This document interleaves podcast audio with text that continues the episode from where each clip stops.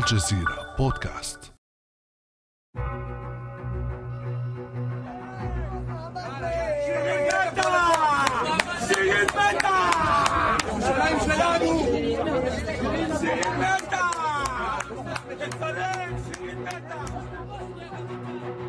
ما في شيرين؟ شيرين ماتت. هذا ما يعتقده أحد المستوطنين أثناء اقتحامهم للمسجد الأقصى. لا لا وألف لا. قلب شيرين لم يتوقف. ما زال نبضه هناك في القدس وجنين وغزة وفي يافا وحيفا والناصرة. نبض يزداد عنفوانا وتمسكا بالحق المقدس ليكشف بشاعة الاحتلال وينقل صوت فلسطين لكل الأرجاء. أصوا جيدا فكما حمل الشباب نعش شيرين ومنعه من السقوط فإن جيلا جديدا من الصحفيين تعاهدوا على إكمال مسيرتها مهما كان الثمن. في هذه الحلقة الاستثنائية نستمع معا إلى مجموعة من صحفي المستقبل يتحدثون عن آلامهم وآمالهم وعن رمزية شيرين أبو عاقلة أيقونة الصوت الفلسطيني الحر.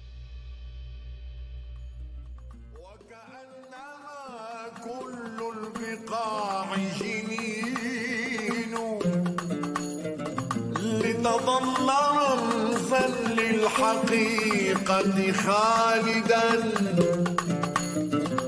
ما ظل في أرض الفدا زيتون. شيرين نامي يا ابنة القدس التي لك كل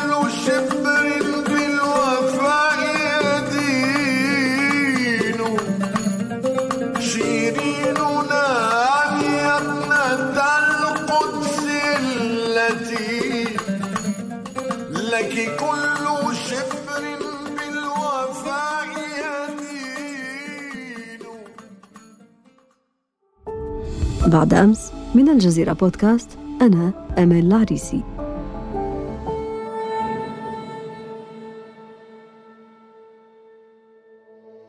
شيرين أبو عاقلة تجولت في ميادين فلسطين لأكثر من عقدين وتربت أجيال كاملة على صورتها.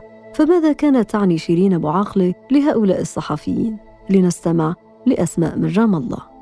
ماذا تعني لي شيرين كصحفية؟ لابد من الإشارة أنه قبل أن أكون صحفية وأدرس الإعلام شيرين تعني لي ولآلاف الفلسطينيين اللي كبروا على صوت وصورة شيرين خلف الشاشة شيرين ارتبطت بالتاريخ والذاكرة الفلسطينية خاصة في مرحلة تغطيتها الانتفاضة الثانية اجتياح مخيم جنين واجتياح مدينة رام الله. فمن هون رسخت شيرين في ذهن الفلسطينيين وذاكرتهم. أما كصحفية فشيرين في حياتها وفي مماتها أيضا عنت لي. في حياتها كانت الحلم اللي كبرت عليه وسعيت لأجله سعيت لأدرس الصحافة مشانه. فأنا يعني من الطفولة أتابع الأخبار وأهتم فيها. أنا والعائلة كوني أيضا من جيل الانتفاضة الثانية ووالدي كان معتقلا فدائما كانت شيرين حاضرة على الشاشة معنا. آه، وأنا من الأطفال اللي أمسكوا الفرشاي ووقفوا أمام المرآة وقالوا شيرين أبو عقل الجزيرة رام الله. لكن ما وقفت هون لم أكتفي بذلك. فمنذ الصف الثاني الابتدائي حتى الثانوية العامة وقفت على الإذاعة المدرسية ومسكت الميكروفون. وفي كل المناسبات سواء كانت وطنية اجتماعية دينية كنت أقدم موضوع ما. حتى عرفت في حينها وأخذت لقب الصحفية الصغيرة من مديرية المدرسة ومعلماتي. وهذه الصحفية الشابة ليلا سكيلاني تتحدث بدورها عن شيرين الشاهدة والشهيدة. كوني طالبة إعلام وزامن ما بين الدراسة الأكاديمية والعمل الصحفي شيرين أبو عاقلة كانت ولا زالت مرجع وهي ليست كلمة تقال بعد استشهادها. الحقيقة أنها كانت دائما تذكر في محاضراتنا الجامعية. هي مثال على المراسل الناجح وعلى الصحفي الذي يحترم القواعد الصحفية المهنية. وبالتالي كانت صدمة لدى حتى الكوادر الأكاديمية. يعني لم نستكفي بعد من أن نتعلم من شيرين أبو عاقلة. ولكنها فعلا كانت شاهدة وكانت شهيدة وبالتالي أصبحت تذكر مثالا وطنيا وصحفيا. في الحادي عشر من مايو أيار الماضي استشهدت شيرين برصاصة قناص إسرائيلي غادر أثناء تغطيتها في مخيم جنين. المخيم الذي أحبته وأحبها والذي اعتاد على خطواتها بين أزقته. من الانتفاضة الثانية حتى آخر يوم لها فكيف تعبر عن ذلك ليلاس ابنة جنين؟ اغتيال الصحفية شيرين أبو عاقلة كان صدمة حقيقية لكل العالم على الرغم من أنه إحنا كفلسطينيين لا نستبعد أي شيء عن الاحتلال الإسرائيلي وجرائمه متوقعة دائما ولكن المشهد كان صعب جدا. أكره بأنه يتم تسميته بالخوف إنما هو حبا بإكمال الرسالة ونقل الحقيقة. وبالتالي لا نتشبث بالحياة لأجل الحياة ولكن لأجل رسالتنا فيها. أنا كوني من مدينة جنين المكان اللي ارتقت فيه شيرين أبو عاقلة بعد ثلاث أيام من اغتيالها عدت للميدان. تأكدت تماما أنه هذا المجال الصحفي أي العمل الميداني يرهب جدا الاحتلال الإسرائيلي. أما عن وقع جريمة اغتيال شيرين أبو عاقلة على الوسط الصحفي الصاعد في فلسطين يحدثنا الصحفي الميداني الشاب من طول كرم جهاد بركات. كان هناك تفاعل منقطع النظير يعني وغير مسبوق مع قضية الشهيدة شيرين أبو عاقلة سواء في كليات الإعلام التي خرج طلابها في فعاليات في كل كليات الإعلام سواء في الجهات الصحفية يعني المؤسسات الصحفية بين الصحفيين الذين تفاعلوا معها بغض النظر عن المؤسسات التي يعملون بها سواء يعني كانت في ظروف أخرى متوافقين مع الجزيرة أم لا. كان هناك تفاعل كبير جدا وهذا آه، يعني يدلل على أولا قبول كل كل هذه الشرائح لشيرين أبو عاقلة وثانيا لأنها يعني عبرت أو كانت آه، نموذج لكل صحفي فلسطيني آه، والتي عرفت في انتفاضة الأقصى تحديدا حيث غطت هي وصحفيين كثر الانتفاضة وجرائم الاحتلال والمقاومة الفلسطينية آه، وبالتالي كانت هي آه، كأنها النموذج الذي ينظر إليه كل هؤلاء الصحفيين على أنها تمثلهم. الحديث مع هؤلاء الشباب قادنا إلى السؤال التالي: ما الذي يعنيه أن تكون صحفيا في فلسطين؟ الصحفية ليلاس مرة أخرى. أن تكون صحفيا فلسطينيا يعني أن تدفع ثمن الصورة والكلمة في كل مرة تنقل فيها الحقيقة. هذا يشمل الاعتداءات الإسرائيلية المباشرة على الصحفيين وسياسة الترهيب من العمل الصحفي الفلسطيني ومن تبعاته ولكن في كل مرة آه، نثبت كصحفيين بأنه هذه السياسة فاشلة وأن مستمرون في التغطية. الصحفي الفلسطيني يعاني دائما من هذه الآلام النفسية اللي يطول الحديث عنها. يعني الأحداث الفلسطينية متوالية ومستمرة وبشاعة الجرائم الإسرائيلية لا تنتهي. حتى إذا قررت الحديث عن أبسط المشكلات اليومية فالاحتلال جرائمه متجذرة في كل الحياة الفلسطينية وبالتالي لن يخلو أي يوم من رؤية هذه البشاعة وجرائم الاحتلال. فدعنا نسمي مهنة الصحافة في فلسطين مهنة المصاعب ومهنة الآلام. أن تكون صحفيا في فلسطين سؤال صعب حسب جهاد بركات الذي أخذ نفسا عميقا قبل أن يجيب.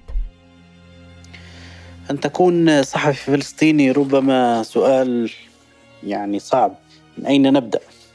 أن تكون صحفي فلسطيني يعني تجد نفسك فجأة مثلا قد اقتحمت قوات الاحتلال الإسرائيلي مكتبك قامت بإغلاقه مثلا.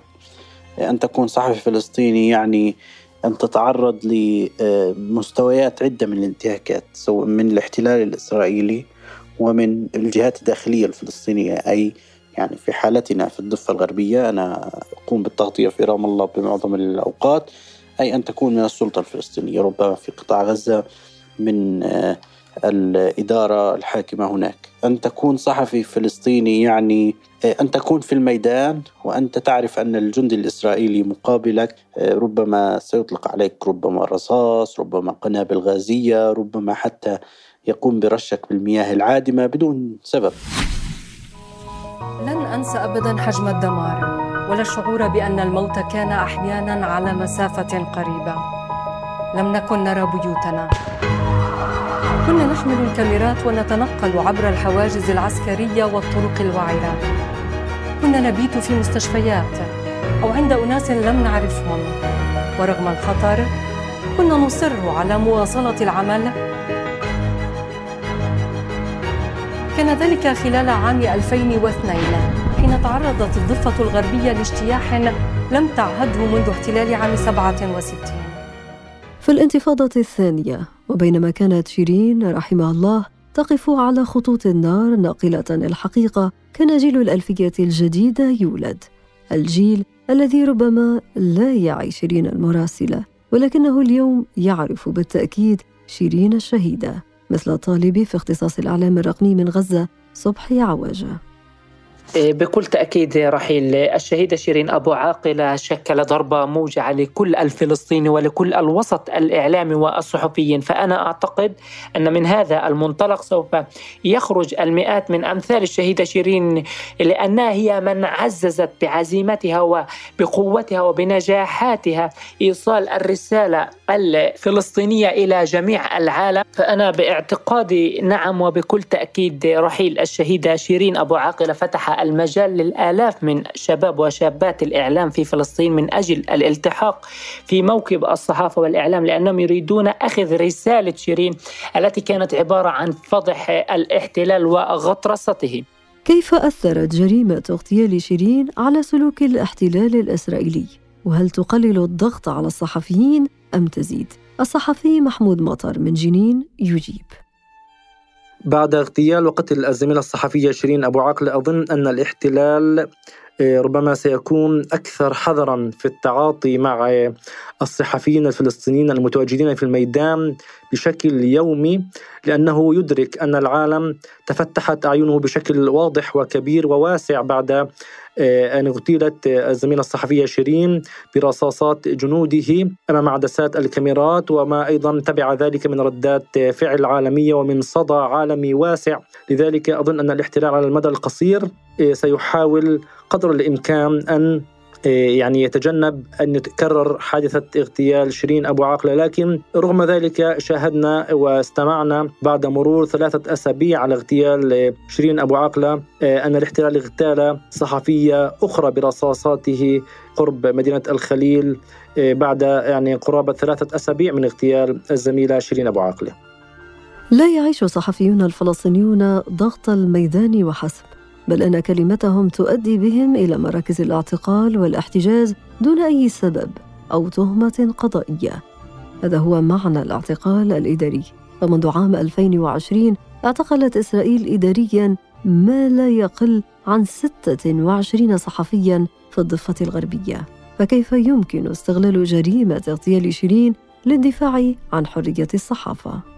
أظن أن حادثة اغتيال آه، الزميلة شيرين أبو عاقلة آه، وما تبعها من ردات فعل وصدى عالمي واسع وكبير وحملة تنديدات واسعة سواء على المستويات الرسمية أو الحقوقية أو الأممية على مستوى العالم. أظن أن هذه الحادثة بأبعادها العالمية بالإمكان اغتنامها وأيضا الاستفادة منها في تسليط الضوء أكثر على معاناة الصحفيين والإعلاميين الفلسطينيين تحت الاحتلال وبسبب الاحتلال لا سيما المعتقلين منهم في سجون الاحتلال. وأيضا آه، ما يعانيه قطاع الإعلام من آه، انتهاكات عديدة. لا تبدأ بالاعتقال ولا تنتهي بالقتل. هناك أشكال عديدة من الانتهاكات التي يتعرض لها الإعلام الفلسطيني. مصادرة الحريات الإعلامية منع الصحفيين من ممارسة عملهم بحرية الحرية ومنعهم من السفر وأيضا التضييق على العديد من المؤسسات وأيضا إغلاق العديد من المؤسسات والشركات الإعلامية التي أغلقت في السنوات السابقة وأيضا ملف المعتقلين الزملاء الصحفيين المعتقلين في سجون الاحتلال. أظن أن ذلك آه، بالإمكان الاستفادة من آه، حادثة اغتيال شيرين أبو عاقلة والاستفادة من الصدى الذي خلفته هذه الحادثة بتسليط الضوء أكثر على معاناة أولئك الصحفيين. ليلاس وجهاد ومحمود وأسماء. ماذا يقولون للاحتلال الإسرائيلي الذي أراد باغتياله شيرين أبو عاقلة إسكات كل صوت حر وترهيب كل صحفي؟ أعتقد بأنه خاب ظن الاحتلال الإسرائيلي عندما اعتقد بأن هذه الرصاصة ستقتل مئات الصحفيين الفلسطينيين بل زادتهم إصرار على نقل الحقيقة والاستمرار في هذا العمل. ليست المرة الأولى التي يستهدف فيها الاحتلال الإسرائيلي صحفيين فلسطينيين. وربما لن تكون الأخيرة ولكن لن يتم تكميم أفواه الصحافة الفلسطينية مستمرون في نقل الحقيقة. وعلى العكس هناك جيل صحفي كامل قادم آه، ليقوم على نقل الحقيقة الفلسطينية ودحض الرواية الإسرائيلية الكاذبة. هؤلاء المستوطنين وهذا المستوطن الذي هتف آه، أن شيرين ماتت أو لم يعد هناك شيرين. يعني هو فقط الحقد ما ما يحركه لأن شيرين بقيت بعد استشهادها بل وإن حضورها كان أكبر بكثير بعد استشهادها. وحضورها سيظل آه، ليس فقط كاسم يتذكره الناس ونحن نتحدث اليوم عن كثير من الجهات سواء التعليمية أو الإعلامية أو غيرها التي أطلقت مسميات شيرين أبو عاقلة على جوائز صحفية على مباني صحفية على كثير من الأمور وإنما أيضا بالمسيرة التي آه، سيكملها آه، زملاء شيرين أبو عاقلة كل الصحفيين الفلسطينيين يرون بأن واجبهم هو إكمال مسيرة شيرين أبو عاقلة والتي كانوا على مدار السنوات الماضية يقومون بها ولكن الآن هناك حافز كبير ويراه الصحفي الفلسطيني كأنه واجب عليه بأن يكمل هذه المسيرة وأن لا يتراجع عن إكمال هذه المسيرة. سنستمر في أداء رسالتنا والانحياز نحو الحق. نحن رسالتنا الحق والانحياز نحو آه، الحقيقة. أما رسالة الاحتلال فهي رسالة القتل والبطش والإجرام. لذلك آه، الرسالة المنتصرة هي رسالة الحق وهي التي ستنتصر في نهاية المطاف. ولن يرهبنا ولن يثنينا الاحتلال مهما فعل بالصحفيين ومهما ارتكب آه، بحقهم من جرائم وانتهاكات. يعني في الختام أقول أن شيرين هي حية فينا. كل يوم تقريبا أنا عندما أمر من أمام مكتب الجزيرة في رام الله أستحضر شيرين وأرى شيرين وكأنها على رأس عملها. وهذه اللحظة يعني بالذات تمدني بالأمل وقوة السعي ومواصلة العمل سواء كان في الميدان أم لم يكن. والكل على خطاك سائرون يشيرين. كان هذا بعد أمس.